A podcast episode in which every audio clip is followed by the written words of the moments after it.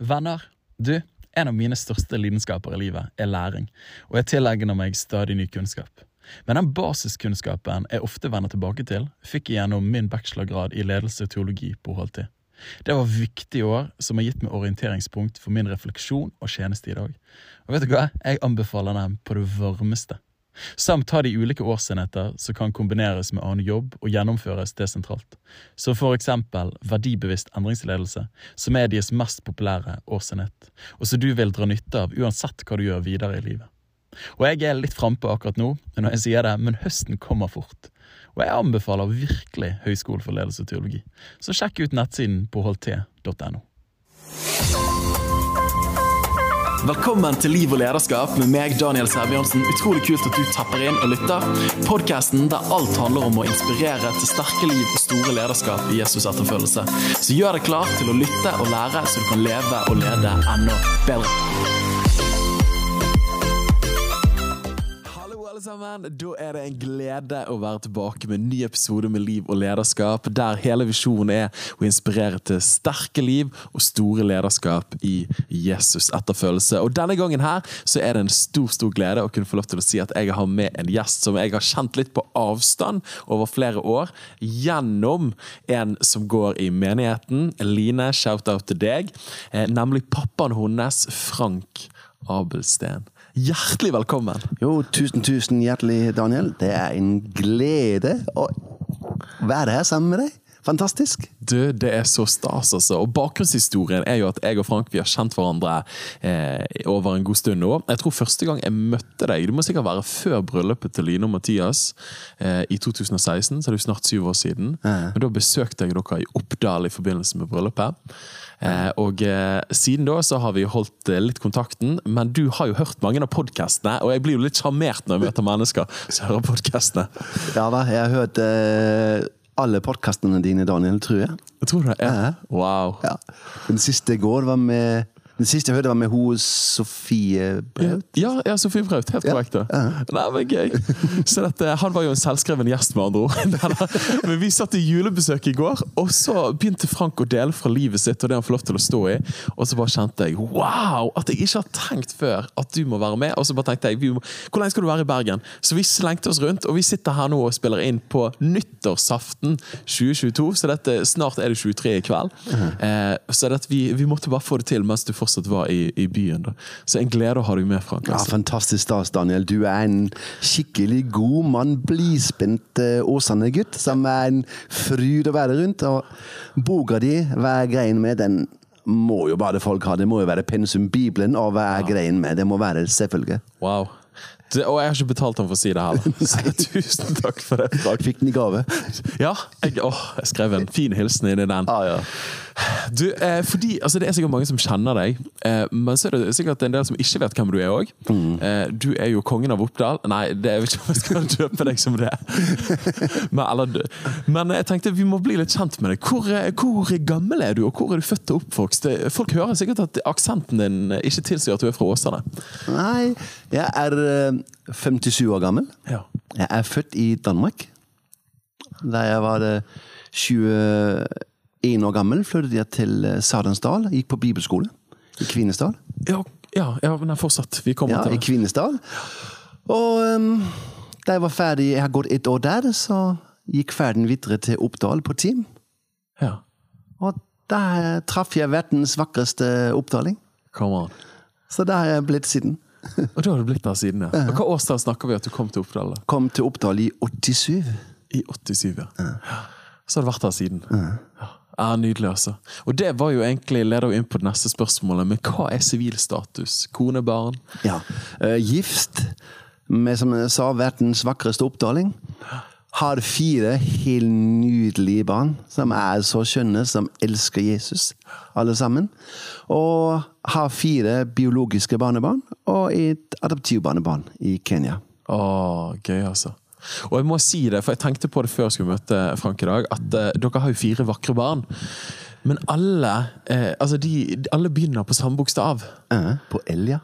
Så dette gikk jo rett inn i mitt hjerte, mm. for de som kjenner meg. Så jeg tenkte på det i går når jeg kom hjem. på sånn, alle barna! Det glemte vi å snakke om, men alle begynner på L. Uh. så det, det, er vel Linda, ja. Lise, ja. Line og Lukas. Ja, stemmer. Ah, det er nydelig. Ah, Daniel, wow! men, men tenkte dere at de skulle begynne på samme bokstav? De den første var Linda. Kona mi hun ville ha Linda. Ja. Fordi hun kjente en har gått i søndagsskole som søndagsskolelærer, og så hun, var det en søt jente der Ja. som het Linda. Så den første jente, det måtte være Linda. Så den neste var oppkalt etter tanta til kona mi, Mm. som het for Lise. Annelise het hun, men Lise, da. Og da tenkte vi med nummer tre Nei, vi må jo fortsette med L. Ja, ja, ja. Men vi slet litt når vi kom til gutten, da.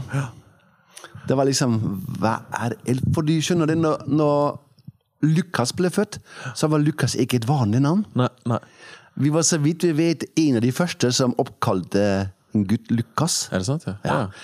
Det var mer vanlig med kanskje med Linus eller Lennart eller sånn, men det måtte jo være LI. De andre er jo LI, Daniel. Vi er jo skikkelig eh, Oi. Linda, jeg Lise, Oi. Line.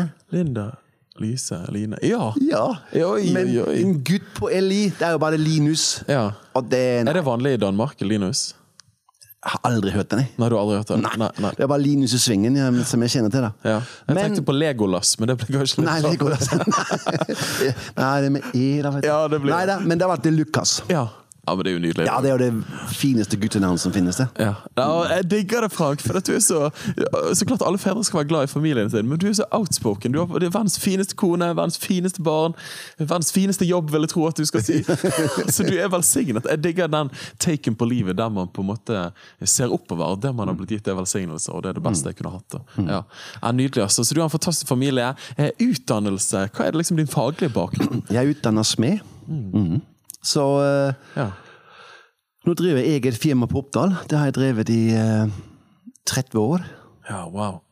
Det gleder jeg meg, det skal vi snakke mer om, men det er spennende. altså.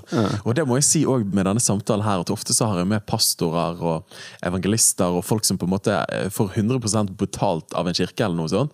Men jeg syns det er så viktig å få inn mennesker som, eh, som følger Jesus lidenskapelig, som influerer gjennom sitt lederskap og sitt virke og tjeneste og arbeid.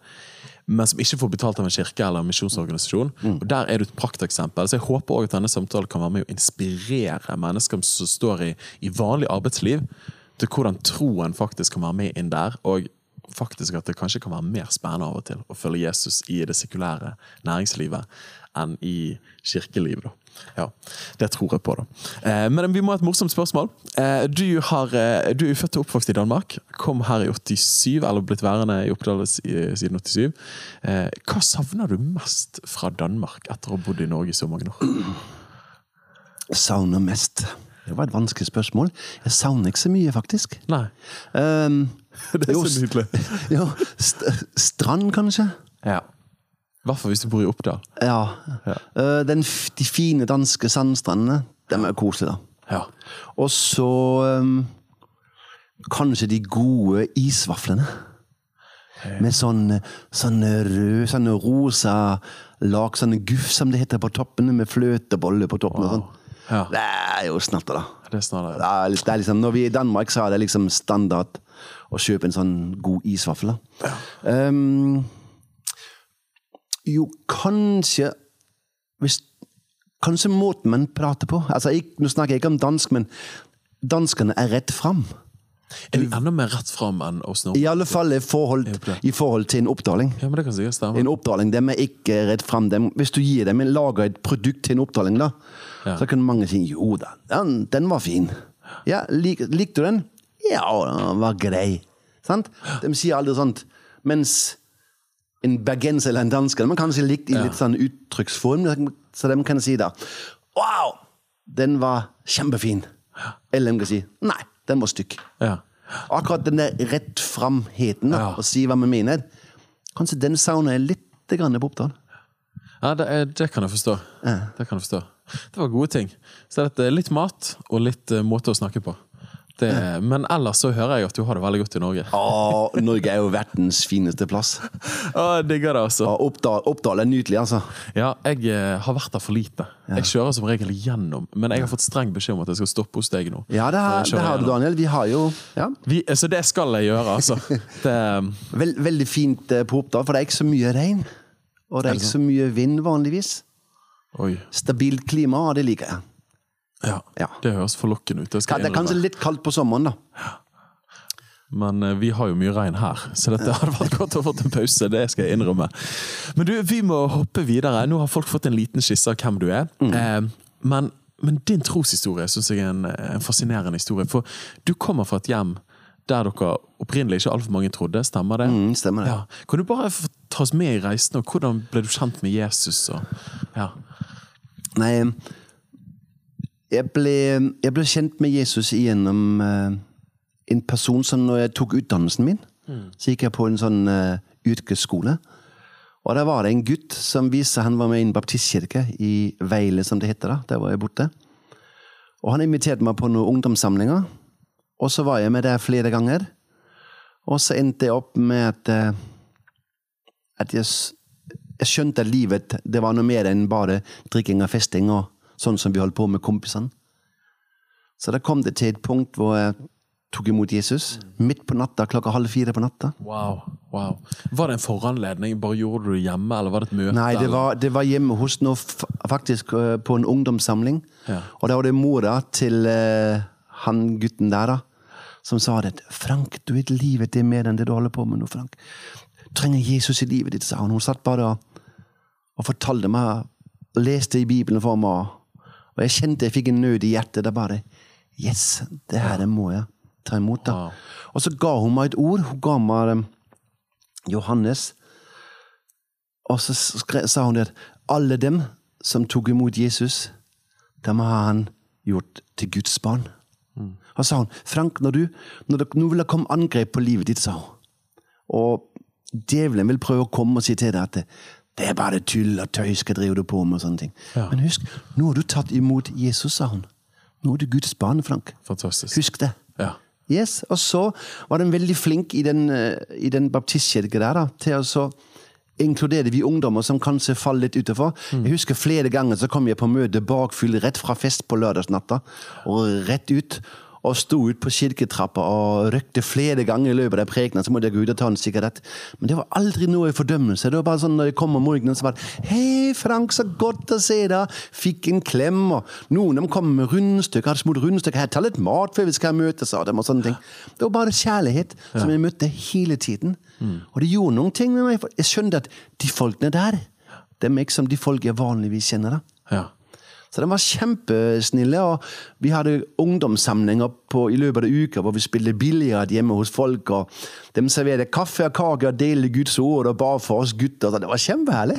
Hvor gammel var du da? Da var jeg sju år gammel. 20 år, ja. ja. Og tok den beslutningen. Og etter det så gikk reisen For du dro på bibelskole. Gikk på bibelskole. ja. Ja, Hvor gammel var du når du dro på bibelskole? da? Da var jeg akkurat da var jeg fylt 21 år. da. Jeg dro i august 86 dro til Sardansdal. Ja, for Hvorfor kom du til Sarensdal? Var det naturlig? Nei, det, jo, det var jo det, fordi jeg hadde truffet Det var noen folk som var på team i den baptistkirka, og de kom fra Sardansdal. Ikke sant, ja. Ja, det var et team nedom, da. Og da husker jeg vi gikk, Da var jeg rundt med det teamet, så gikk vi rundt på gatene. da, Så hadde vi en, en hel sekk med bananer. da. Og Det var jo ganske sprøtt. Og så gikk vi rundt til folk og så sa vi Tror du at vi er skapt av Gud, eller vi kommer fra apene? Og hvis folk svarte apene, så ga vi dem en banan. det var jo Det var en artig evangeliseringsmetode. ja, det var, jo- var ganske sprøtt. Men vi inviterte inn til møter, da. Ja. Ja, så Det var herlig med en som heter Arthur Blissett. Han som gikk rundt med et kors. Ikke Ja, ja, jeg hørte om han. Ja. Ja. Ja, han hadde møter. Det var herlig. Arthur eh, Blissett, ja. Blissett, ja. Han reiste rundt med korset. Det gikk overalt i hele verden. ja. Hvor er han fra? Ja. Jeg tror han er fra USA. Han er fra USA, ja. ja. da, altså. Så dette, du tok imot Jesus når du var 20 år gammel, mm. og kom ikke fra en kristen familie. Men hvordan påvirket det din familie? Altså, Var de positive til det, eller? De var positive, for de så jo det livet som vi levde, jeg og kompisene mine, da, med veldig mye drikking og tull og tøys. Så de syntes det var positivt. Og mammaen min tok imot Jesus, og pappaen min han var alkoholiker, men han tok imot Jesus.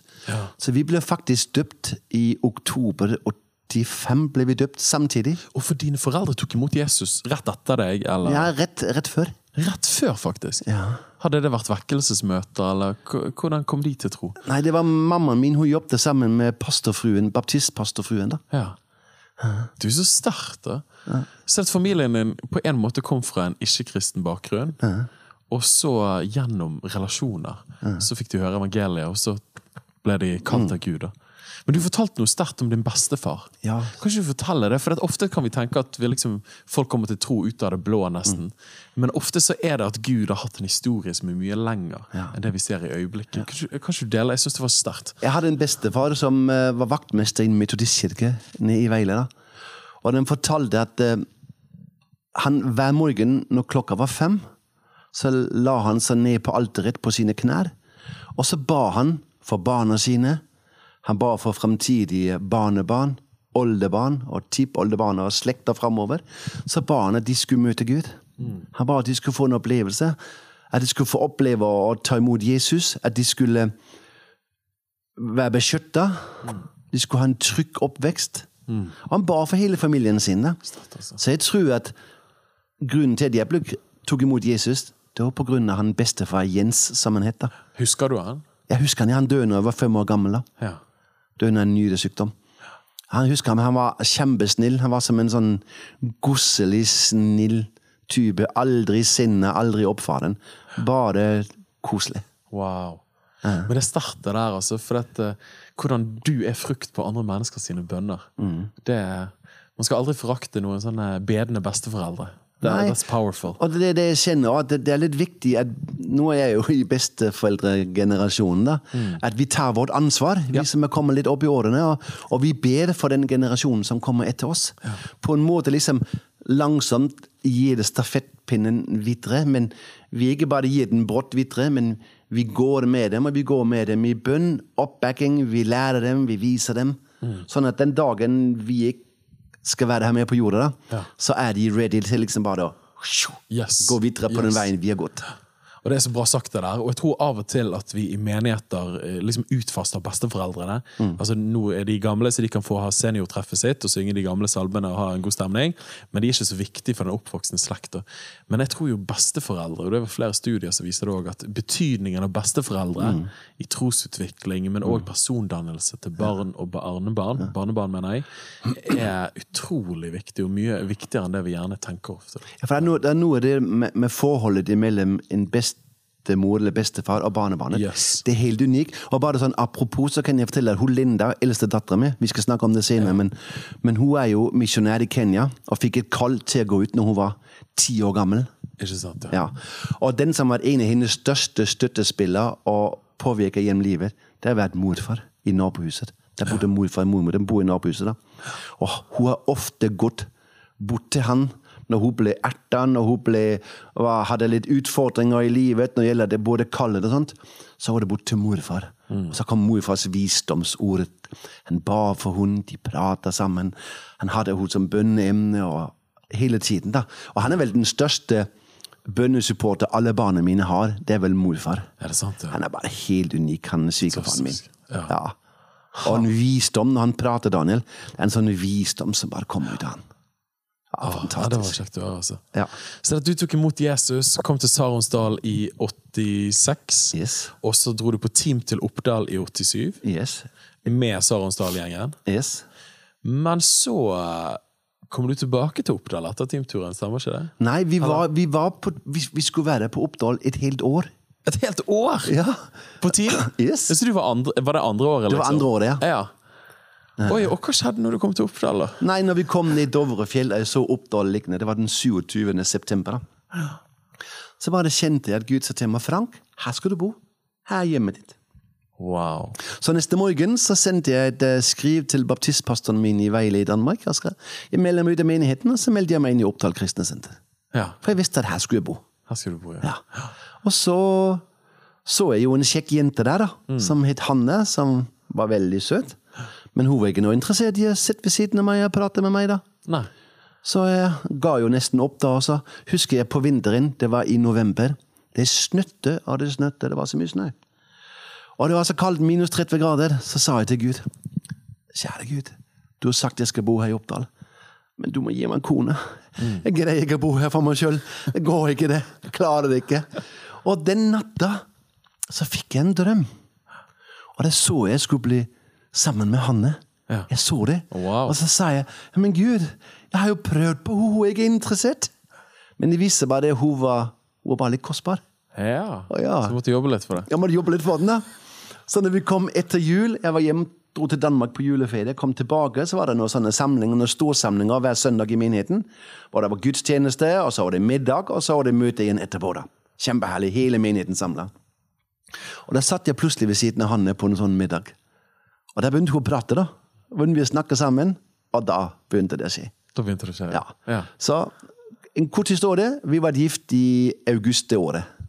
I 87? 88. 88, ja. ja. Ja, wow. Så det gikk ganske kjapt. Ja, vi var, vi var et par i mars og forlova oss i mai og ble gift i august. Det er så bra, det.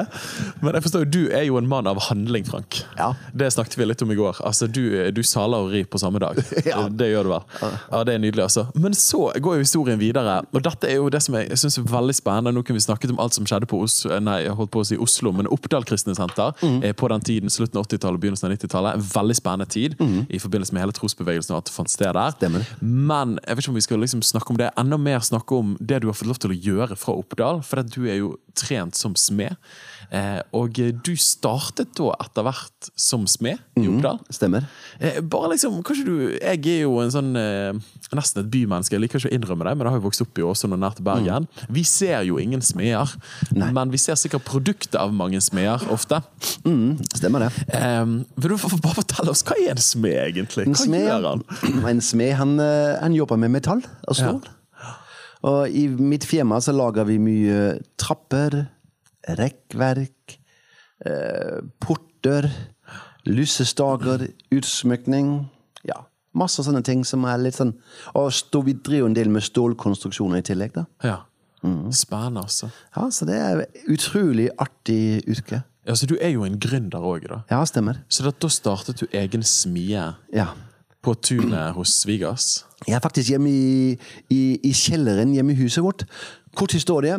Jeg, hadde, jeg, fikk, eh, jeg jobbet i Skiheisen, det første jobb på Oppdal, når jeg var nygift. Kjørte tråkkemaskin, Daniel. Oi. Tenk deg en danske kjører tråkkemaskin. Ja, det er ikke så mange fjell der nede. Et år kjørte jeg tråkkemaskin opp i heisen, og så um, startet jeg på mekanisk verksted. Ja. Og Der jobba jeg en del år, eh, og, men fikk en prolaps i ryggen. Så ble jeg oppsagt. Og så tok jeg noen sveisesertifikater for å komme ut på Nordsjøen. Det har vært en drøm. Liksom en guttedrøm å komme på Nordsjøen og sveise der. da. ja, ja.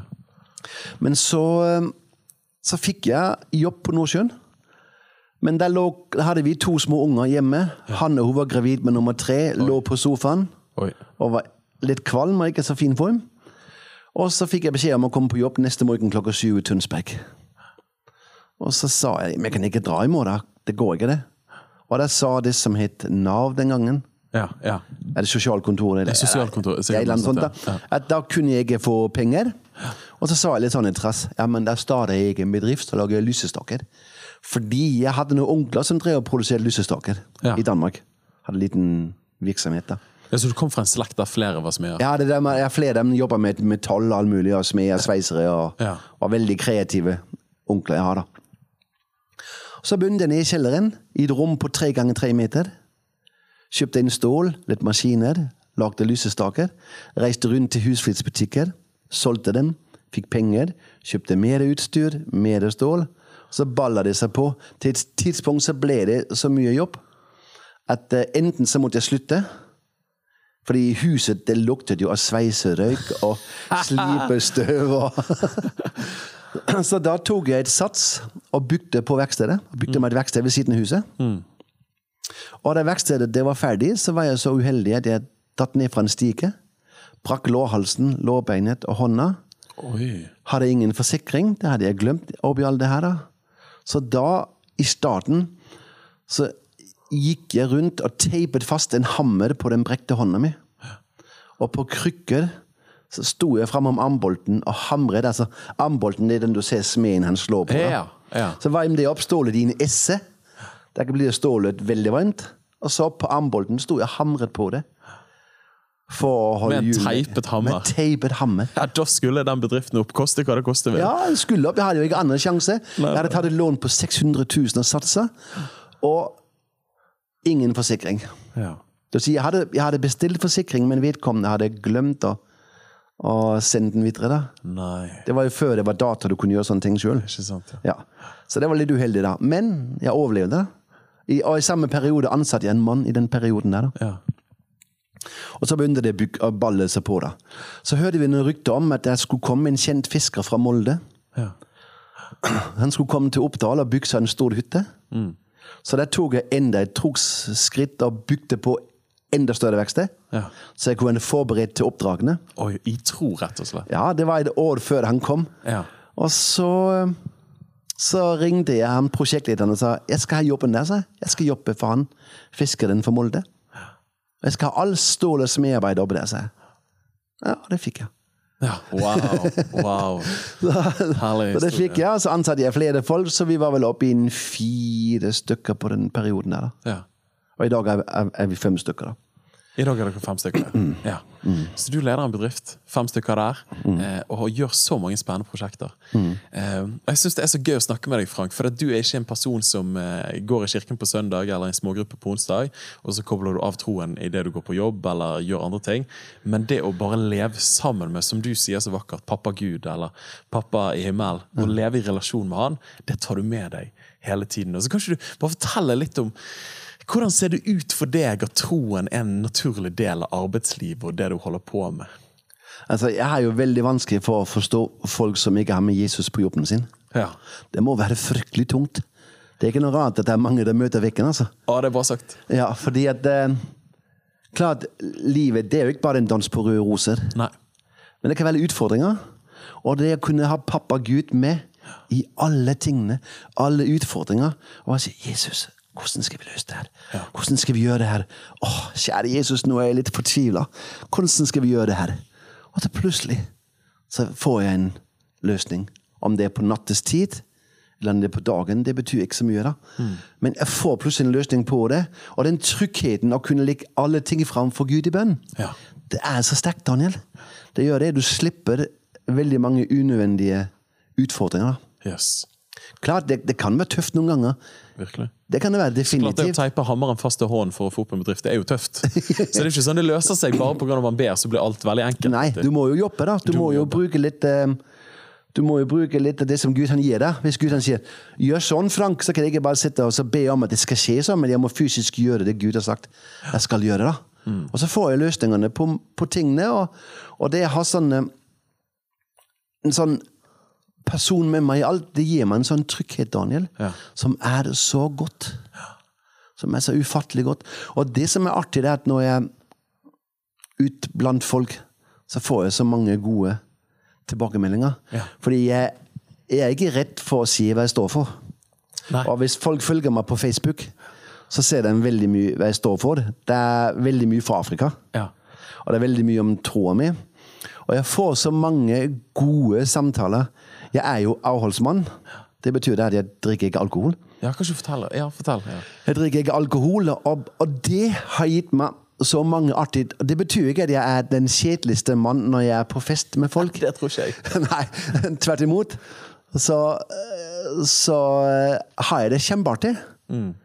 Fordi jeg, synes det Jeg er jo en gladgutt i utgangspunktet. Og det tar jeg med meg også når jeg er på fest. Og når jeg sitter med colaen, og folk de sitter med ølet eller spriten eller konjakken sin, så tror jeg kanskje jeg er den som har det artigst. Ja, ja. Og eh, jeg har så mange artige episoder når jeg har sett det blant folk på de her festene. For jeg tror at vi, vi som kristne vi skal ikke drive hjemme oss og så sier si fysj, fysj når jeg opplever fest. Jeg elsker å være sammen med folk. Jeg elsker å være ute blant folk der hvor folkene er. Yes. Og kunne prate med dem og dele det jeg står for. Og det som er det at Når mange av dem får litt alkohol inn i blodet, da begynner de å åpne seg opp. Og der kommer de gode samtalene. Ja, det er sterkt, altså. Ja. Men Altså, du fortalte en historie i går, og det jeg synes jeg var så gøy. Og, og så klart, eh, Du jobber med mange kjente navn, så vi kan ikke si navnet på alle de. Men, men eh, du fortalte en historie at der du hadde vært avholds en gang eh, Eller du er jo avholds, men der du ikke hadde drukket på en fest. Og så var det noen som spurte om du noen hadde en drikkevise. Å ja, ja, ja. Jeg var på en, på et, en, sånn, på en stor hytte som ble bygd på Oppdal. Og så satt vi på en fredagskveld. Alle de håndverkerne som har vært med på jobben, de var invitert. Og det var veldig høy drikkeføring. altså Folk den begynner har fått veldig mye innabords. Og så sier han byggherren da Er det noen som kan en drikkevise, da? Og ingen svarte. Så tenkte Ja, rakk opp hånda. Ja, jeg kan en drikkevise, da, sa jeg. Kan du, du avholds? Ja, men jeg kan en drikkevise likevel, da, sa jeg. Eller du den? Ja, jeg vil høre drikkevisen min, ja. Og folk de satt og så på meg da. Så stilte jeg meg opp på stolen med colaglasset mitt, og så sang jeg en dansk drikkevise. da. Og folk de begynte å flire, og de klappa, og, og så plutselig er det en mann ved siden av meg da, som sitter, altså, tar han meg i armen min, så sier han, du er rar, du, sier han. Du, du, du, du er jo helt gæren, du drikker jo ingenting. Hva er det med deg, sånn? Nei, jeg er nå bare meg sjøl, altså. Og så sier han, er du i Trondheim noen ganger, da? Ja. Kan du komme og se på en jobb, sånn? For du er artig, sånn. Jeg liker deg, sånn. Du er litt utenom det vanlige. Ja, jeg kan dra til Trondheim, da.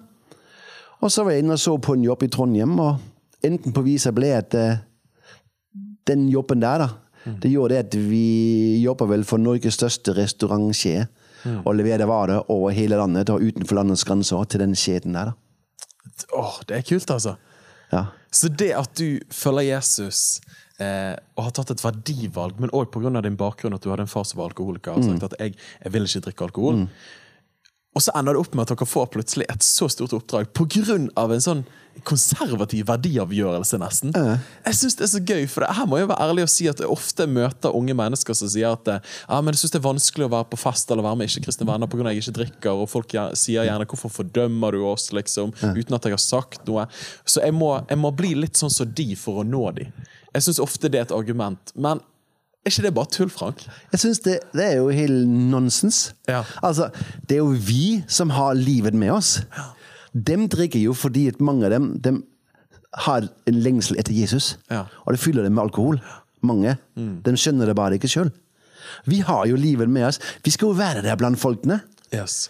Og jeg husker en annen gang, da var vi på en annen sånn eh, fest. da.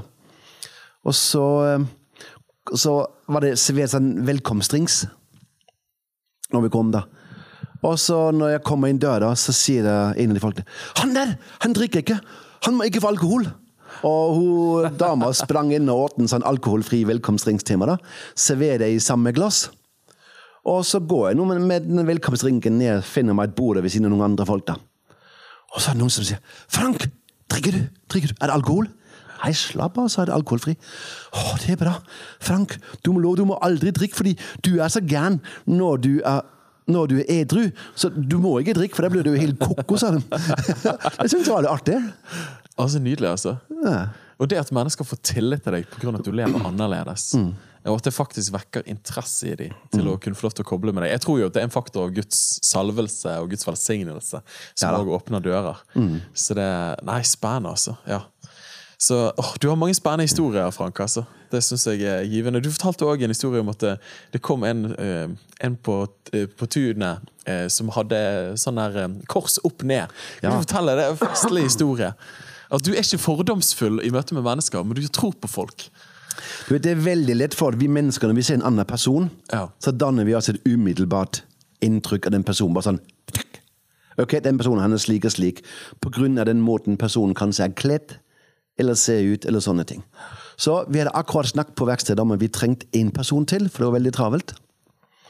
Og plutselig så kommer det gående inn en ung gutt med langt, svart hår, skinna på sida, med en T-skjørt med et opp-ned-kors på. Uh, lange, svarte støvler med nagler, og bare svarte klær. Og så, så han, uh, spør han om jeg har jobb, på litt sånn gebrokken norsk. Og så ser jeg på ham, så umiddelbart så tenker jeg jobb? Nei, jeg har ikke jobb til sånne som deg, tenker jeg. Men så er det som Den hellige ånd bare arresterer meg omgående. Frank, skjerp deg! Ja. Så bare sier nei, greit, kom inn og få en kopp kaffe. Du ser ut som om du trenger en kopp kaffe, sa jeg. Bli med inn, så skal vi prate litt. Og det viser seg det var en ung gutt fra Frankrike. Som var på vei til Trondheim. Han spilte black metal. Han var sanger og gitarist i, i black metal band. Og han skulle på pilegrimsferd til Trondheim. Pilegrimsferd. Ja, det var liksom det, var liksom det heftigste å komme til Trondheim og møte sånne black metal eh, Ja. og rrr, growling og, Ja, ja. og herja og sånn. vet du. Men så han kommer innom Oppdal og har tatt en kopp kaffe på en, eh, en restaurant, og så hadde hun dama spurt hva han skulle. da. Så han sa han skulle til Trondheim, og han skulle finne seg jobb som smed. Men så har hun sagt ja, men det er jo en smed på Oppdal, da. Hun skjønte jo ikke at hun var brukt av Gud til å få han ned til meg. Ja. Og så kom han ned og søkte jobb, da. Og han gutten der er en av de mest fantastiske folk jeg har hatt. Han var så god gutt. Alt var bare en gimmick. Ja. Vi, han var feiret julaften sammen med oss, vi hadde ham med i kirka, og Ja. han sang sangene. var, Vi hadde så mange gode samtaler om Jesus, Ja. han og jeg. Og han var jo oppvokst katolsk, da. Ja, ja. Det er så nydelig, altså. Så dere fikk lov til å være med og så inn evangeliet i han, og Ja. ikke minst også vise hvordan det er å følge Jesus i en familiekontekst. Ja. Ah, så nydelig, altså. Det er åh, sterkt. Så det er så lett for eksempel, en annen, en annen episode. da. Der kom det en dame inn på verkstedet med en gammel grilldress og et pannebånd hvor det sto 'Oppdal så klart opp ned'. Ja. Og Hun kom inn på verkstedet da, litt sånn stressa, så sier hun ja, eh, jeg skulle ha fiksa et dørhåndtak. Kan du fikse det? Ja, jeg kan fikse det med en gang, sier jeg. Det er jo fort gjort. Tok bare et par minutter. Og så tok jeg og fiksa det, og så sier hun ja, hvor, hvor mye skal du ha? Nei, jeg skal ikke ha noen ting, sier jeg. Ofte så tar jeg ikke betalt for sånne småjobber. Nei, nei. Nei, jeg skal ikke ha noen ting. Kom tilbake senere, sier jeg. Det er å ønske Ha en fin dag, sier jeg. Og så gikk hun. Og så neste morgen, der kommer det inn tre tøffe BMW-er inn på tunet, og ut stiger en veldig profilert forretningsmann i Norge. Stiger ut sammen med sønnene sine og arkitekt, og så kom hun dama. Hun viste hun var arkitekten hans, og hun kom i finskjørt, høyhælte sko. Skikkelig businesswoman, ja. Skikkelig businesswoman, da. Og så sier hun 'Hei, kjenner du meg igjen', da? Så sier 'Ja, det var du som var her i går', sa. Ja, du skjønner det, sa jeg. Ble så imponert over den behandlinga jeg fikk hos deg, sa hun. At du liksom ga meg så god service. Så nå har jeg lyst til at du skal hilse på han her, og så presenterte hun han. Og lurte på om du kunne gjøre noe jobb for oss, da. Og da var det jo en gedigen jobb Ja. vi fikk, da. Så satt vi ned og snakka sammen og la fram prosjektet der jeg bare Ja, jeg kan hjelpe deg. Du er så sterkt, altså! Men der, nok en gang, det er jo litt sånn som den historien før, men det å ikke dømme mennesker på utseendet. Men hvordan det å møte mennesker med et eh, åpent blikk, med et varmt hjerte, selv om det gjerne kommer en innpakning som er litt annerledes enn det vi av og til synes. Og så i dette tilfellet er det grådig artig, da. Men så viste det seg at eh, hun var jo virkelig en ressurssterk kvinne som hadde kontakter, og endte opp med et stort oppdrag for dere. Ja. Ja. Nei, det er visdom, altså. Ja. Det er Det der med å behandle alle folk med respekt Det er lett for at du kanskje behandler dem som du vet som kommer kanskje inn i en fet Jaguar eller en Porsche og fin dress og sånt. Sånne folk der du liksom gjør forskjellsbehandling. Men det har jeg aldri gjort. Nei. Jeg behandler alle sammen med samme respekt, fordi jeg tror det er Gud han ser på alle mennesker med samme blikk. han. Ja. Fordi det er alle, vi er alle Guds barn. Han har, du vet barna dine, du gjør ikke forskjell på gutten din eller jenta di. Sant? Du behandler dem helt likt, du. Og jeg tror det, vi, vi, er, vi er skapt til å være litt sånn om de menneskene rundt oss. Fordi alle mennesker har en bakgrunn. Ja. De har med seg en bakgrunn. Du og jeg, vi vet ikke bakgrunnen til mange folk. Det var en, en annen litt artig, eh, artig opplegg. da. En av mine ansatte for mange mange år siden kom på jobben, og så uh, sa han ikke så mye, da. Så kom han litt for sent på jobb, og jeg er veldig nøye på at folk skal komme til tida på jobb. da.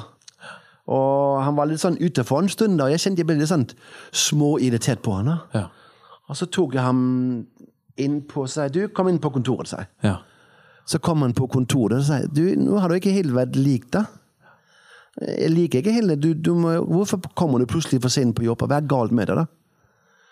Og så sa han, jeg så meg, så sa han Bestefar er død, sa han. Er bestefar død? Ja, jeg er lei meg for det, sa han. Ja, men kunne du ikke, kunne ikke du ha sagt det til meg, da? Så kunne du jo ha fått fri, eller et eller annet. Nei, jeg vil ikke, jeg vil ikke plage deg med det, sa han. ikke sant? Så hadde Jeg ble irritert, for jeg trodde at han bare var, hadde vært for sent ute på natta og holdt på å drikke med kompiser og sånne ting. da. Men så var det en bakgrunn at bestefaren var død. da. Åh, interessant. Det der er så livsvisdom, Frank. Altså. Jeg synes du modellerer det så bra. Det får meg til å tenke på en historie nylig der en person som jeg kjenner, og, og flere av oss kjenner til, i, i liksom i miljøet vårt her i Bergen, eh, som jeg alltid hadde syntes var litt så merkelig. Helt til jeg satte, jeg satte meg ned med, med vedkommende en gang, og så fikk jeg høre livsfortellingen. Og fikk høre om oppvekst, jeg fikk høre om at de hadde opplevd misbruk. Og, og da er det akkurat som Da blir du så dømt, for at du kan gjerne ha tenkt å få en rar person.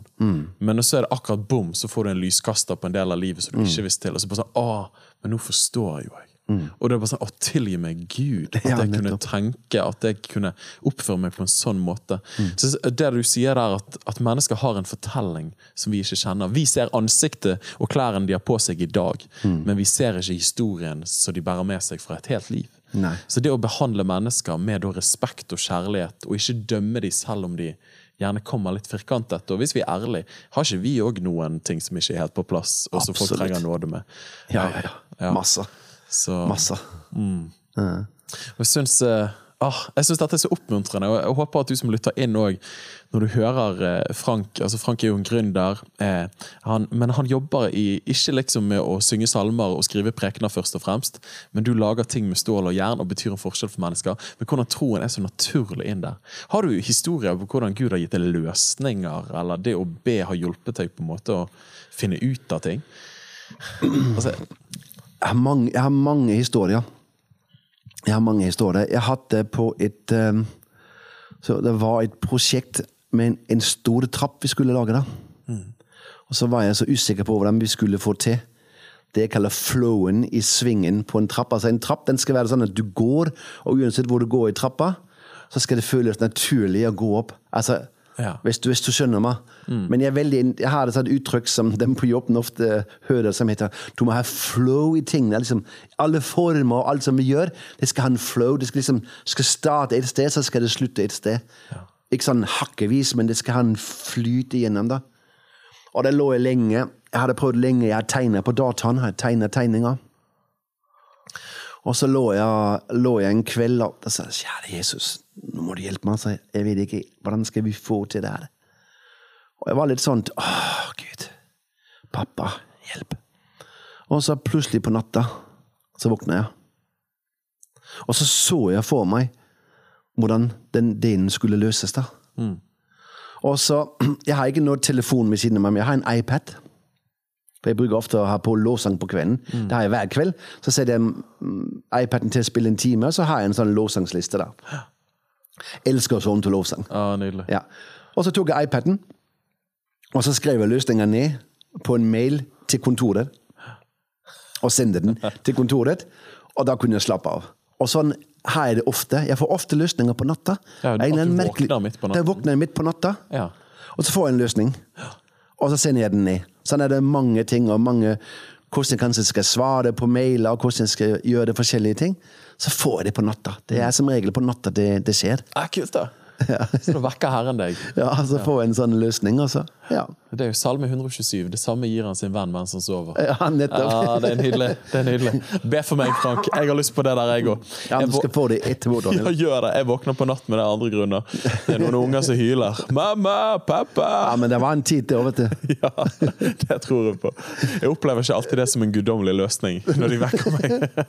Nei, nei, men, men det, er, det er det med å så ha, så har Gud med i alle ting. Ja. Du kan, ofte, kan du kan få det liksom midt på dagen. nå? Du blir liksom bare lever i det. Ja. Og jeg tror det her med å ha en konstant sånn da, Kjære Jesus, hjelp meg. liksom, Kjære Jesus, Takk at du er så en god pappa. Takk at du elsker meg. Takk at du er glad i meg.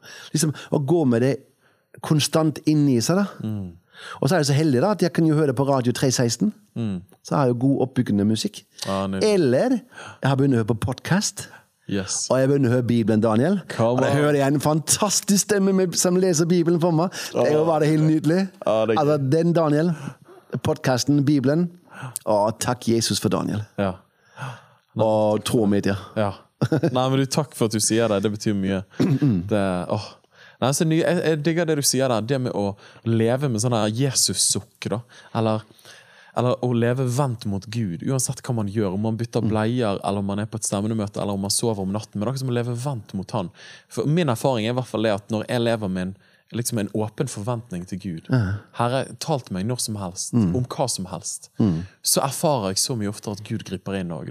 Mm. Men hvis jeg lever veldig sånn inndelt liv, at nå er jeg i kirken, så da kan du tale, eh, så går vi glipp av så mye av det Gud ønsker å, Ja, gjøre og gi oss. da. Og ikke minst, jeg tenker, sant, Det er kanskje 5 av kristenfolket, hvis ikke mindre, som jobber i kristen menighet og organisasjon. Men alle andre som bruker 37,5-50-60 timer på jobb hver uke Hvis hele den tiden der Gud ikke skal være involvert, det er en ganske stor del av livet. Og, og jeg syns jo du er et av de fremste forbildene Frank, på hvordan det er når du tar med Jesus på jobben. Så for det første gir det hjelp til deg sjøl og trøst i møte med problemstillinger. Men òg at det leder til gode samtaler. Mennesker får høre evangeliet. Mennesker tar imot Jesus. Altså det er åh, Man lever jo i kallet, da. Ja. Jeg tror det her med å være åpen for det man står for. Ja. Det er så mange som er så redd for å, å stå for Jesus. Det er ikke sånn jeg står og roper til Jesus hele tiden. Nei, nei, nei. Men jeg lever mitt liv. Jeg lever sånn som jeg tror Jesus vil ha jeg skal leve livet. Yes. Og jeg skjemmer ikke over evangeliet. Ja. Og jeg husker en annen episode. Du vet, det, det med å forkynne evangeliet det har du, Spesielt hvis folk gir deg muligheten, da, så griper jeg det med en gang. altså Når jeg ser den minste åpning, Yes. da er jeg på med en gang. liksom bare, yes, Der kjenner jeg liksom, der er det grønt lys til bare å kjøre på. da. Bra. Så jeg var hos et ektepar, og vi har gjort en masse jobb. Og så lurte jeg på om jeg ville ha kaffe. Ja. Ja, jeg vil ha kaffe. Så satt vi, så sier hun Ja, Frank, ehm, jeg hører jo at, jeg har hørt noen rykte om at du er en kristen, stemmer det? Ja, jeg er en kristen, sier jeg. Ja, men eh, fortell litt, da. Fortell litt om livet ditt, sier hun. Ja, jeg skal fortelle om livet mitt. Og da har du en grønt, et grønt lys. Ja, helt sant. Og jeg satt og fortalte en halv time, og hun dama hun sier til meg etterpå Frank, du skal skrive en bok. Det her burde flere folk høre. så. Det her burde flere folk høre. Sant? Og når jeg drar fra sånne plasser, så kjenner jeg bare Det er så godt. For da har jeg lyktes med det som jeg ville. Ja. Åh. Ja, nydelig. Nydelig. Du er nydelig, altså. Eh, og eh, det virker jo som mange mennesker er åpne når du deler din fortelling. Og ikke minst så har du et åpent vesen, og du er smilende, sånn som du sa. Du er jo en gladgutt i utgangspunktet. Men det er vel ikke hver gang at mennesker gjerne responderer positivt heller. Eller at de er mer De tenker annerledes enn deg. Hvordan erfarer du det? Nei, det er jo ikke noe problem, det, fordi folk dem, de får jo tro på det de vil sjøl. Jeg er sånn som jeg er. Jeg tror på Jesus, og hvis ikke de tror på Jesus, så er det ikke noe problem. For meg personlig, da. Men eh, jeg møter jo folk som eh, som kanskje prøver å angripe meg med en gang. Da, som om at det er min feil at hele verden er sånn fordi jeg tror på Jesus. Og, eh, og jeg har lært én ting gjennom et langt liv av erfaring. Jeg gidder aldri gå inn i noen diskusjon med dem. Nei. Nei. Det, jeg bare smiler og så sier jeg, jeg hører hva du sier, og ja, jeg er ikke enig med det. Ja. Det er greit, du, du får mene det, men det er ikke sånn jeg opplever det. Og så, ja, men eh, hvis Gud er så god, hvordan kan det her skje? Ikke sant? Og så, ja, det er ingen vits i å gå inn i noen store diskusjoner med dem. For mange av dem har, de har, de har bestemt seg på forhånd hva de skal tro. Da. Men det jeg opplever, Daniel, at jo mer jeg snakker med sånne folk, gang på gang, og, og ikke begynner å, å gå inn i noen voldsomme diskusjoner, så skjer det en forandring. Ja. De, de begynner å snu. Jeg hadde spesielt én person da, som jeg ofte snakker med. Han var veldig i starten, så skulle jeg ikke nevne nesten noen ting om Jesus. altså. Hvor bare glem det.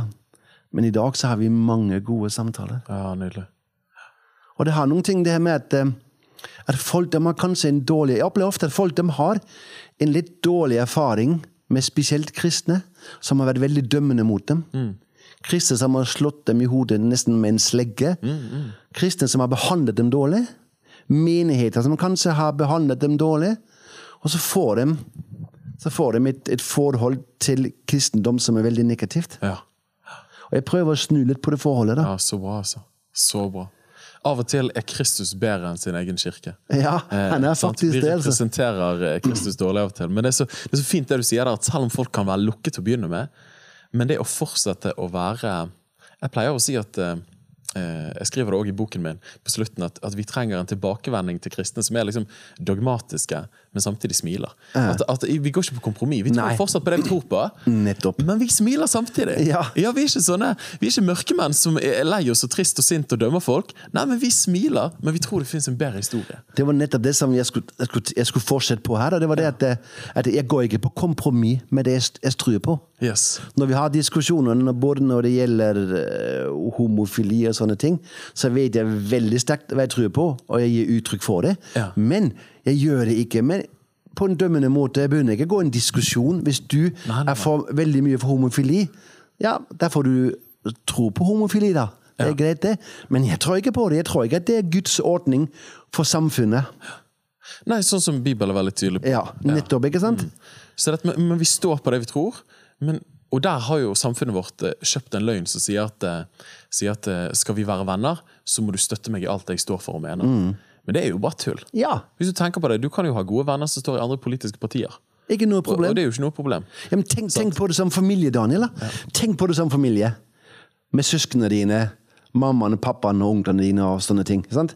Dere kan ha mange heftige diskusjoner, sikkert. Virkelig. Ja, Men det er jo din familie. Du er glad i dem likevel. Har ingenting å si om broren din, og du har en skikkelig krangel. Etterpå så er det en god klem, og så er du ferdig med det. Ja.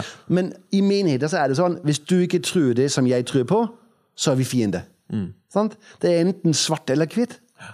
Men hvis du tenker litt familie i opplegget her, da, så får du en annen forståelse av ting. Helt sant. Ikke minst innenfor det kristne fellesskapet. Vi har noe dypere som forener oss. Nemlig at vi er barn av Gud, osv. Kjempebra.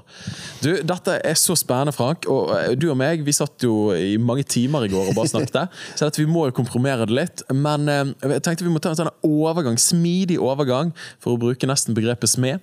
Eh, vi må smi en overgang. den var god. Ja, den var god, Ja, den var veldig bra. Jeg er fornøyd med den. Vi må smi en overgang til, til Afrika og engasjementet der. Og da har jeg lyst til å, å liksom eh, Apropos liksom bare bygge en bro.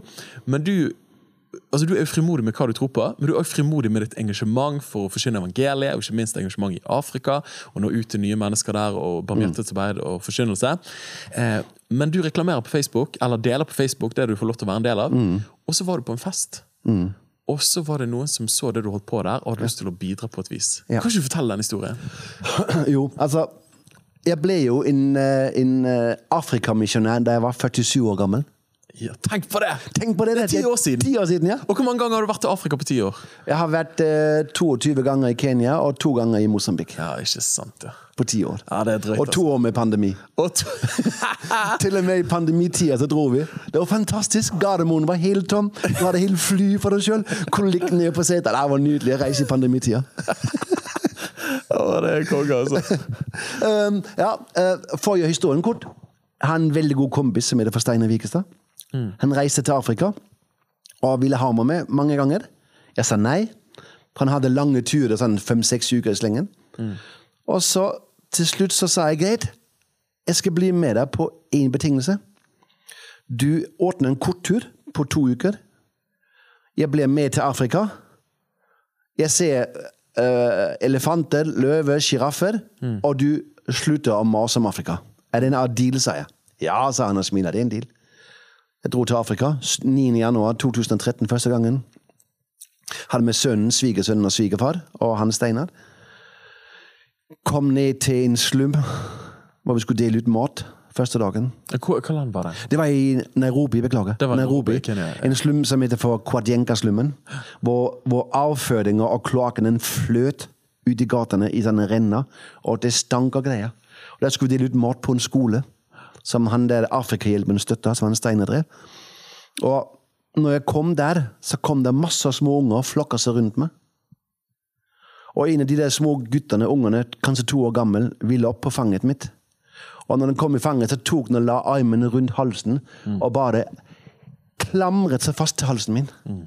Og vet du, vet du, Daniel, det var et eller annet som bare knakk i livet mitt. Jeg gråt, og jeg gråt, og jeg gråt. Jeg var helt ferdig. Jeg sto bare hulka. Jeg bare, og et eller annet som bare skjedde i livet mitt.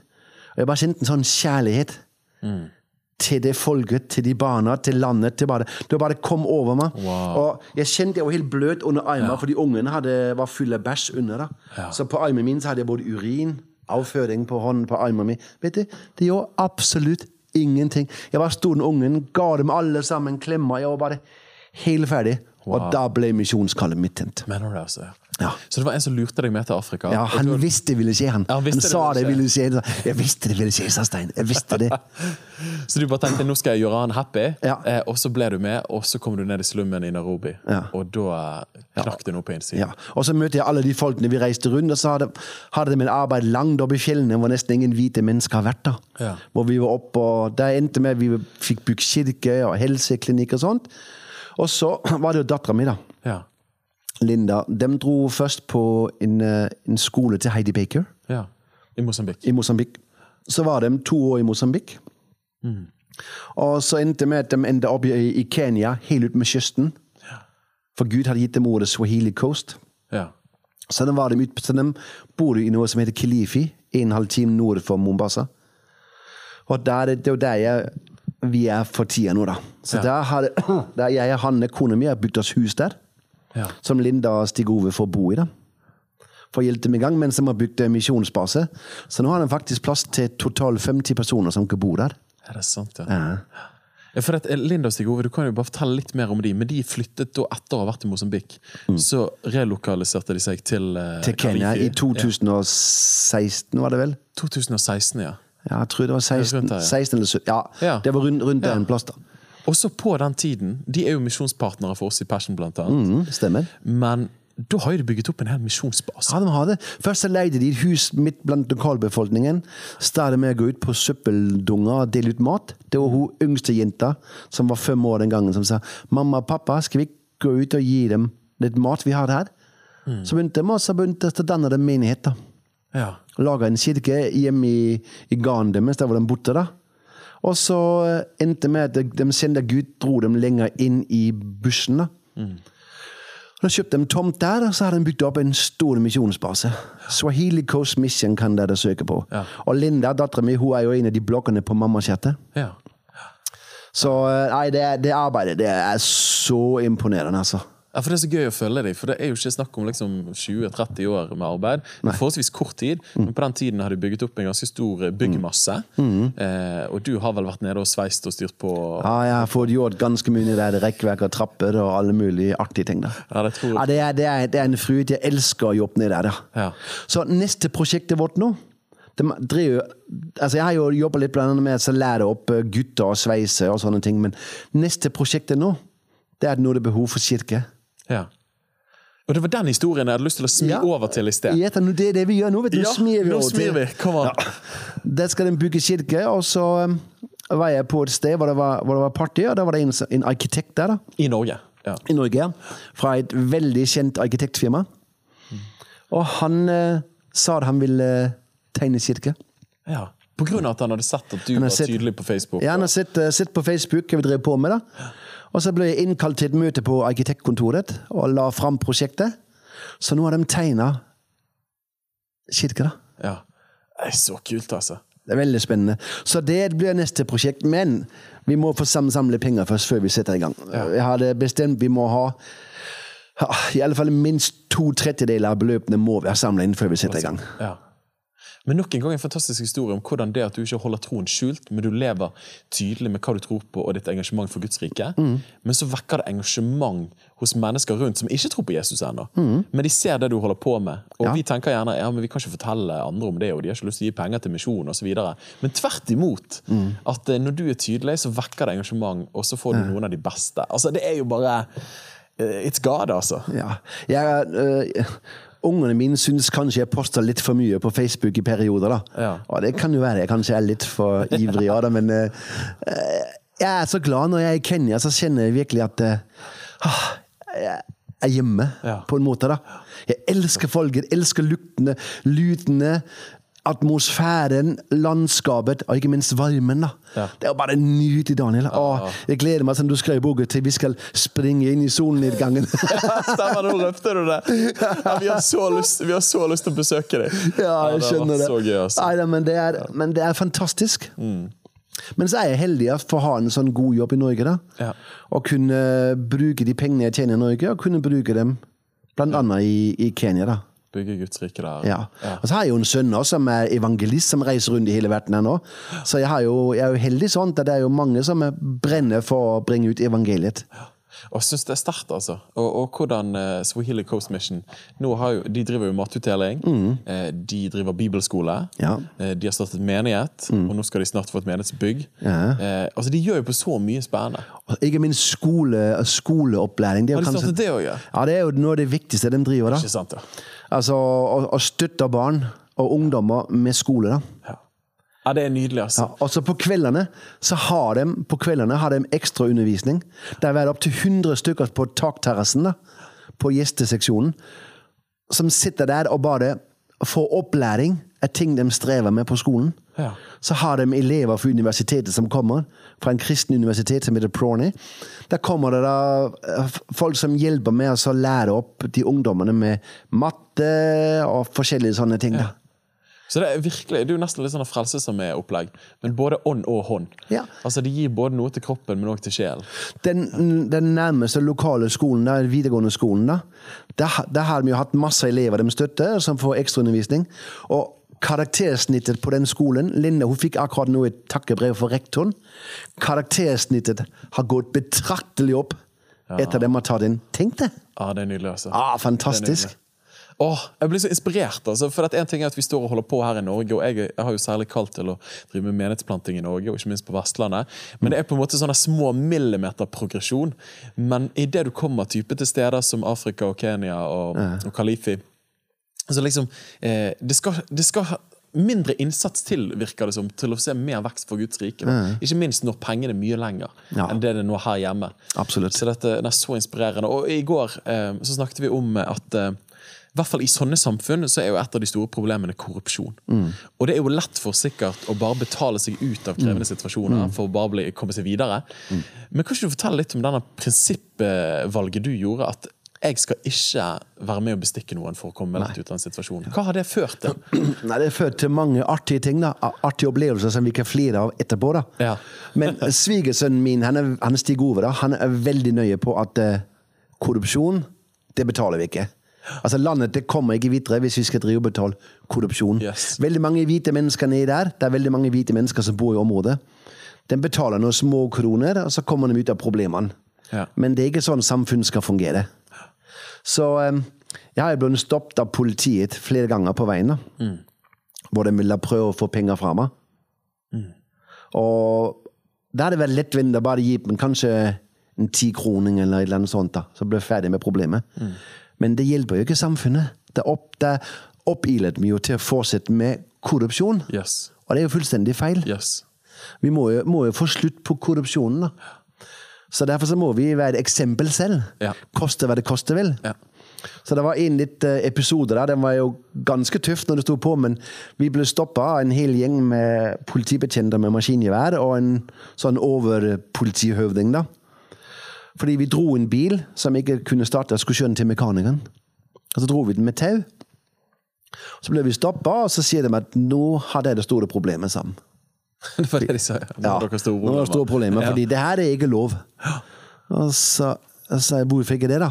Nei, for da tar dere jobbene fra bergningsbilene. Og så slutt å tulle, sa jeg. Det betyr det at det er ingen som har lov å kjøre rundt i privatbil her. For tar vi jo jobben for alle taxiene som er. Og da syns han jeg var veldig frekk, da. Så da skulle jeg absolutt dra ned til politistasjonen og skulle i retten, sa han da. Og han satte seg inn ved siden av meg i bilen. Og jeg hadde barnebarnet mitt, han, var, han Leo, han var kanskje en fire år bak. Og sier han 'Bestefar, hva skjer nå?' 'Nei, vi skal bare bli med den her snille mannen', sa jeg. og Stig Ove satt i bilen bak, og vi taua han ned til politistasjonen. da. Og han satt hele turen og bare truer meg at nå skulle jeg komme i fengsel, jeg kommer aldri inn i Kenya igjen, og alle mulige ting, da. Ja, jeg sa det får nå se hva som skjer. Jeg vil ikke gi ham noe penger. Og hvis jeg, eh, vi kom ned til politistasjonen, og ut kommer det, politisjefen kommer ut, og det var en dame. Og så sier hun da, ja, hva er det som skjer her? Så sier jeg, jeg har ikke peiling, du må spørre han mannen hva som er problemet. Så snakker de sammen et par minutter, da, og han ser han blir mer og mer sint. Og hun blir mer og mer sint, og de diskuterer høylytt. Og så eh, kommer hun dama bort og sier hun, ah, sorry, sa hun. sa. Det var en, det var en, var en feil. Der er fri til å gå, sa hun. Det er ikke noe problem. Så sier jeg ja, det er greit, men jeg vil ha en unnskyldning av han der. For han har behandlet meg veldig dårlig, sa jeg. Det syns jeg ikke er noe bra. Han skal behandle meg sånt. Og så går vi hen fram om ham, og så sier jeg han unnskyldning, da. Og han var ikke noe villig til å gi en unnskyldning, men hun, sjefen hans eh, pusha han, da. Så han ga meg en unnskyldning, da. Så jeg sa det er helt i orden. Tok han hans, så det er helt greit. Jeg aksepterer un unnskyldninga di, altså. Kjørte vi videre. Men sånn er det hele tiden. Du får uh, Jeg hadde en annen artig episode, og det ble også stoppa. Og da påstod han noe feil med forsikringa, og det var det ikke på bilen. Det var jo helt nye greier. Den henger i frontruta på bilen. Og den begynner med, han begynner med alle mulige ting, og, og jeg var litt stressa fordi jeg han skulle dra med taxi om bare to timer tilbake til Mombasa og skulle hjem til Norge. da. Ja. Men så endte jeg i alle fall opp med at jeg sa det at jeg syns det er dårlig du behandler en nordmann på den måten her. At nå vil jeg ringe til presidenten i Norge, for den vet jo ikke hvem kongen er, men president, det vet den hver. da. Ja. Og så vil jeg si at Norge skal slutte å støtte Kenya fordi at han behandler meg så dårlig. da. Og for Norge er en av de største bidragene. Ja, det har i hvert fall vært. Jeg vet ikke akkurat nå, men det var i alle fall tidligere. Veldig mye, mye penger, da. Og så sier han ja, øh, hvem er du, sier han da. Så sier jeg jeg er pappaen til Linda, hun er dattera mi. Og så sier han plutselig Linda Stigove? Dem kjenner jeg. Dem er kjempesnille, sa han. Er du pappaen til Linda? Ja. Å, sorry, beklager, sa han. Ikke si det til dem. Beklager. det var... Linda Stigove er jo kjempesnille mot oss. De gjør så mye godt for oss som bor her, sa de. Da var han jo kjempelei seg, da. Så da var det bare å kjøre igjen. Åh, nei, men det er Så gøy å høre det der. altså. At det Av og til kan det koste å stå på verdiene, men det er verdt det, for da er man med å endre samfunnet. da. Mm. Ja. Og det er så fint, altså. Og, det, og Jeg har hørt flere si det, og det er jo noe av det som er litt sånn hjerteskjærende. Men vi snakket òg om det i går. Det var mye vi rakk å snakke om i går. Eh, men at hvordan til og med de kristne, og gjerne kristne menigheter i en del afrikanske land, er veldig influert av den eh, Mm. korrupte kulturen. Og at faktisk noen av de verste å samarbeide med, jeg har hørt fra flere, er faktisk noen av ofte gjerne de pinsekarismatiske menighetene. Stemmer For det. der er ikke karakteren på plass. altså. Nei. Det er synd. Det er Det trist. er veldig Det trist. sånn. Det er faktisk sånn Når vi skal handle materialer til prosjektene våre, så handler vi faktisk hos en muslimsk stor eh, Ja. uh, varehandler, som heter for Al-Medina. Som er drevet av folk fra Pakistan eller sånt. De er veldig redelige, du får gode priser, de prøver ikke å lure deg. Og de er veldig greie. Men mange plasser er Jeg skal ikke dra alle over i en kam, men Nei. mange plasser så eh, møter du folk som er kanskje litt kristne, da, så skal de prøve å få ut litt ekstra penger fra deg da, på et eller annet vis. Og det er jo trist, da. Ja, veldig synd. Vi som følger Jesus, skal jo være uklanderlige. Det er jo målet vårt. Du, åh, Det er mye å hoppe ned i her. Jeg ser at klokken tikker. Eh, men åh, det er inspirerende. Men en ting som jeg har lyst til å, eh, å bare liksom trekke litt på din visdom, Frank, er jo at nå har du rukket å bli Var det 57 du sa? 57, ja. Tenk, Hvem skulle trodd? Nei. Hvem skulle trodd? Men du har fire barn. Du Ja. har fått noen barnebarn òg. Men ofte når jeg ser på mennesker som, eller ledere, en av de kvalitetstrekkene som jeg ser etter, er ikke først og fremst hvor flink de er å preke, eller hvor flink de er til det de holder på med, men hvordan er familien rundt dem. For dette fremste vitnesbyrdet og attesten og CV-en til en person er ikke nødvendigvis talentet og gaven de har, men det er hvordan blomstrer menneskene som de har blitt gitt å forvalte og leve i forpliktende relasjon til. Ikke minst sin ektefelle og sine barn. Og Der står det ut for meg, Frank. Ikke bare en som leder en spennende bedrift og får lov til å ta med Jesus eh, på jobben, og engasjement i Afrika, men du har en familie som blomstrer. Der du har en kone som følger Jesus, og hun er glad i deg. Eh, og ikke minst har du barn som følger Jesus. da. Eh, noen i fulltidstjeneste, mens andre jobber mer i næringsliv, sånn som du gjør. Eh, og da spurte jeg deg i går, eh, og jeg syns det var så bra det du sa, eh, men hva tror du er noen nøkkel til å være med og oppdra barn som følger Jesus, og som fortsatt er glad i mor og far når de blir voksen? Eh, kanskje du bare deler noen gull der? Jeg kjenner jo Nå har jeg små, intense velsignelser, og de skal vokse opp. Og jeg er bare sånn Gud i himmel, måtte dette gå bra? Og jeg vet at det er flere som hører inn, eh, som stiller de samme spørsmålene. Ja. Nei. Altså, Først og fremst er jeg jo heldig. Jeg har jo vært den skjønneste og beste kone. da. Ja. Hun er bare helt nydelig, Hanne. Hun er snill, full av visdom, kjærlig. Hun er helt unik, altså. Så det er jeg så velsigna. Og klart, det når du er, er har et så godt ekteskap som jeg og Hanne har, så vises det. Og barna våre, De har sett mamma og pappa ikke bare hva de har sagt til andre mennesker, men de har sett oss i det daglige livet. Ja. I et helt barndom, da. Ikke sant? Så um, vi har aldri Vi har bestandig levd i trua vår hjemme. Ja. Sammen med barna. Har hatt eh, altså sånn, Hver eneste kveld så var det, tok jeg fram gitaren, og så var det eh, sang før vi skulle lekse, og så leste vi i Bibelen, og så ba vi sammen. Det var fast. Og hvis ungene hadde noen sånne utfordringer på skolen, eller sånt, så så ba vi for det, da. Ja. Og jeg husker spesielt en av jentene hadde veldig problemer med en gutt som var så slem mot henne på skolen, da, fordi hun var kristen. Og erta henne og kalte henne stygge ting og sånt. Og så husker jeg vi drev oss og ba en kveld for han gutten at han skulle bli snill. Og så eh, gikk det en stund, da. Så plutselig så sier Linda en kveld hun kom inn på skolen Vet du, han gutten der, han er plutselig kjempesnill. I dag så tok han sekken min og bar den for meg, og han er ikke slem med det, da. Ikke sant? Og det fikk de oppleve et bønnesvar. Yes. Og det lever rent praktisk på livet, ikke bare noe som jeg og Hanne snakket om, men i sitt eget liv. da. Og det, var, det ble litt, Akkurat den episoden der den var litt sterk for meg. da. Fordi det viser det at, at Gud er med til og med barna Ja. i livet deres. da. Og så har jeg og Hanne vært flinke å ta med ungene ut der hvor vi vet Gud har vært. Og det er det er så bra det du sier der. Og ikke bare liksom ta dem med på søndagsskole i den lokale kirken, som er knallbra. Liksom Få inn verdien av local church, kjempeviktig. Men òg å ta dem med og eksponere dem for det Gud gjør. Kan du bare fortelle litt om det? Vi var Vi, vi hørte jo på 2000-tallet, kanskje midten på 2000-tallet, om Redding i California. Og det som skjedde borti der. Så der tok vi ungene med til Redding. Og det var så sterkt. De fikk oppleve Gud, oppleve ting.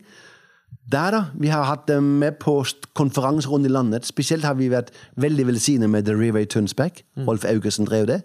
Leif Hetland som var der. Var helt nydelig. Og vi har vært veldig velsignet på bønnesenteret på Levanger. Levanger med Håkon Fagervik og Leif Johannessen og gjengen oppi der. Det har vært en velsignelse for hele familien, altså. Det har vært et uh, før og etter. Mener det? Ja. Det har vært så fantastisk å være oppe der. Være i det bønnefellesskapet. Der ble virkelig kjærligheten til Jesus Den ble vekt oppi der. Og dere var flinke til ikke bare du og Hanne dro på noen konferanser for å få påfylt til deres trosliv, men dere tok med barna. Ja. Og, og sånn som eh, jeg har hørt eh, før òg, men at barna deres fikk noen sterke møter med Gud tidlig i tenårene. Ja, ja. På grunn av at dere tok dem med på ulike steder. Stemmer det, ja. Ja. Mm. ja, det er sterkt, altså. Du, det er så inspirerende, Frank, og jeg må, jeg må si at eh, særlig det du eh, Særlig det du sier der med å ta med barna steder der man vet at eh, Gud gjør ting, og la de bli eksponert for ikke bare eh, på en måte tørr eh, dogmatikk, som er viktig, det er viktig med læren og forkynnelsen, men òg få en erfaring. Sant? Og, og, og både lære og liv må kobles på et vis. da. Og så syns jeg òg eh, Line, som jeg kjenner best, eh, som går her i menigheten hos oss, forteller òg hvordan dere ledet med en åpen hånd. De var aldri i tvil om hva dere sto for og hva dere ville. Men det var ikke sånn at dere tvingte dem. Men hvis de ønsket å på en måte ta noen valg som eh, å dra på en fest osv., så, videre, så var det sånn ok, men da kjører vi dere til festen, og da henter vi dere. Men det var ikke noe sånn at vi pushet dere. da. Og Eline forteller jo at den åpenheten der var så viktig. Ja, Var det et bevisst valg fra deres side? Det var et veldig bevisst valg fra vår side. Vi er veldig klar på det, fordi at um, kona mi hun kom jo fra et, et kristen familie, da. Hvor de ikke fikk lov å være med på noen ting når hun var ungdom. da. Ja. Vi var eh, veldig bevisst på at eh, ungene våre skal få lov å ta et bevisst valg sjøl. Fordi hvis de bygger et valg på bare mamma og pappa sine meninger, så holder det ikke i lengden, det. Men når de får et, ta et bevisst valg sjøl Og alle ungene, de, de har vel vært på fester og sånne ting, men aldri drukket. Og så har de sett galskapen på det og sagt det er jo helt, det er jo helt bak mål. det her. Folk driver og drikker og gjør masse dumme ting og, og sånne ting. Det vil ikke vi være en del av. sant? Men de har hatt valget sjøl. Og de har alle sammen fått et sterkt personlig møte med Jesus veldig tidlig i livet. da. Og det tror jeg har redda dem. De har vært kanskje ti, ni, ti, elleve år, da, alle sammen, hvor de da fikk et personlig møte med Jesus og ble glad i Bibelen, ble glad i lovsang, og de har fått lov til å dele det. Eh, jentene mine vi, vi eh, har vært i litt forskjellige menigheter, da, av ulike årsaker. Og jeg husker vi var i en menighet, og der fikk de Lise hun var vel ti år gammel. Der fikk hun lov faktisk å dele på et søndagsmøte og stå og nesten ha en preken. da. Sant? De fikk lov å innlede på møtet, de fikk lov å være med aktivt. Og det gjør noen ting med, med unger. altså. Helt. De forbereder seg i møter og fant bibelvers og skrev ned dem. Ja, jeg skulle tro det var det var en predikantens som men de gjorde det med glede og syntes det var kjempeartig Ja. å få lov å kjenne at det var en del. Og det tror jeg er viktig, Daniel, med unger som vokser opp. De får lov å kjenne at de er en del av menigheten. Yes. De ikke bare er benkefull, men de får lov å delta. Om det bare er med en sang, om det er med en, en vits, en liten gutt på fem år kanskje kommer fram til en liten jokes i, i starten, men får lov å være en del av menigheten med det de liker. da. Det tror jeg er viktig. Ja, godt ord. Godt Ja. ord, altså. Involver dem. Nettopp. Involver de. Ja, nettopp. Det er det hører. Og jeg må òg eh, si, eh, Frank, at eh, nå snakker du veldig varmt om din kone, men jeg har jo det ikke minst fra din datter Line, som jeg kjenner òg, at eh, mamma og pappa vi har alltid vokst opp med at de er veldig glad i hverandre. Og de er ikke redd for å gi uttrykk for det. Eh, så dette, jeg, jeg kjenner Nå kommer liksom eh, eh, mine indre ønsker her, men det er jo liksom gi meg noen tips. liksom Hvordan kan man ha et ekteskap som ikke bare eh, vedvarer og er ok, men hvordan ha et lidenskapelig ekteskap eh, gjennom et helt liv? Vil du gi oss liksom your wisdom der? Det, er jo mange, men det som i vårt ekteskap er viktig, da, det er at vi er veldig ærlige mot hverandre. Vi er åpne. Vi, eh, vi snakker sammen. Og så er vi nøye på når vi legger oss på kvelden og skal sove, da. Så snur vi oss mot hverandre, ser hverandre inn i øynene, og så sier vi 'Jeg er glad i deg'. Og sier den andre 'Ja, jeg er glad i deg'. Akkurat det legger solen går ned over din vrede, Ja, det bibelverset der, da. Det har vi praktisert i alle de år vi har vært gift. Da har vi alltid snudd oss til hverandre og sagt 'jeg er glad i deg'. Det har vært én eller to ganger hvor vi kanskje har vært litt sånn mm. Så har vi reist oss opp, gått ned i stua, så har vi diskutert. Liksom, den tingen syns jeg ikke var så bra du gjorde, Frank. Kone sagt, og så har jeg sagt ok, greit, det ser jeg nå og beklager. da. Da vi gått tilbake til senga, fordi vårt soverom, Daniel, har kun vært beregnet for to ting. Det er enten å sove eller ha sex. Come on. Det er liksom enten eller. Det er de to tingene vi gjør på soverommet. Det er godt sagt. Ja. Andre tingene den kan vi ta ned i stua. Så faktisk òg, og jeg bare tenker for min egen del, men det å kunne tenke at soverommet det er litt som mobilfri sone. Ja. Der skal ikke hele verden være med oss inn. Nei. Dette er et sanctuary, dette er et tillitssted, det er et trygghetssted. Eh, yes. Soving og sex. Come on! It's a good Yes. word. Det er mange som har TV på soverommet òg. Ja, det- det har vi heller ikke, nei. nei Få no. ut helvetesmaskinen, Ja. Stefan Kristiansen Ja. det. Få helvetesmaskinen ut av hjemmet! I hvert fall soverommet. Ja, det sang vi mye. Ja. Ja, Du gjorde dere det? Ja, så den der med ja. stemmer bestemmer kjære, kjære deg. Kanskje Kåre Skuland, jeg husker ikke helt, men det var en de greiene. Ja, det er så herlig, også. Ja, fantastisk. Trenger sånne. Ja. Nei da. Kan ikke du dele også den historien med det å For jeg vet at jeg har en personlig bakhistorie, det med å ikke la sol gå ned over din vrede. Mm, Jeg syns det var en sterk historie. Ja. Uh, jeg hadde jo en pappa som var verdens beste pappa når han var edru. Det finnes ikke bedre pappa. Dro ut tidlig om morgenen, nistepakk før sola sto opp, og så var det ute og fiske, han og jeg, vet du, og gjøre ting sammen. Og, Ja. ja, hadde det kjempeartig sammen, men han hadde så problemer med alkohol. da. Han drakk veldig mye, og det ga mange utslag i familien med, med vold, familievold, uh, usikkerhet. Uh, ja, masse sånne dumme ting som skjedde i familien. da. Selv etter han ble kristen. Ja, faktisk. ja. ja. Mm. Og mange kommende ville slå mamma, og jeg måtte ligge ham i bakken. Og Ja, det det, var- ja, det var ikke noe artig, nei. Nei. Det var forferdelig. Jeg tror vel i dag, i dag hvis, eh, hvis det hadde vært i dagens samfunn, så hadde både nok jeg og mine søstre kommet i fosterhjem, tror jeg. Tror du det? Ja, jeg tror det. Det var ikke noe, det var ikke noe bra i familien sånt, nei. Nei. Og mamma gjorde så godt hun kunne. Jobba, penger. Vet ikke hvor mange ganger vi dro rundt når pappa hadde fått lønn i cash. Da Der visste vi at der dro han på en eller annen bar. Han hadde mistet lappen pga. fyllekjøring mange ganger, så han kjørte moped. Han fikk lov til å kjøre moped. Ja, han fikk en lov til å- eller han kjørt moped, han da. Ja. Og da var det å kjøre rundt i veilet til alle pupene som var, Og der var mopeden hans, så visste vi greit, jeg var inne inni der. Så stoppet mamma bilen, så måtte jeg springe inn. Gå inn på banen, så fant jeg pappa som lå drukken over et bord eller en stol og sånt. Og så var det napp ut lommeboka hans.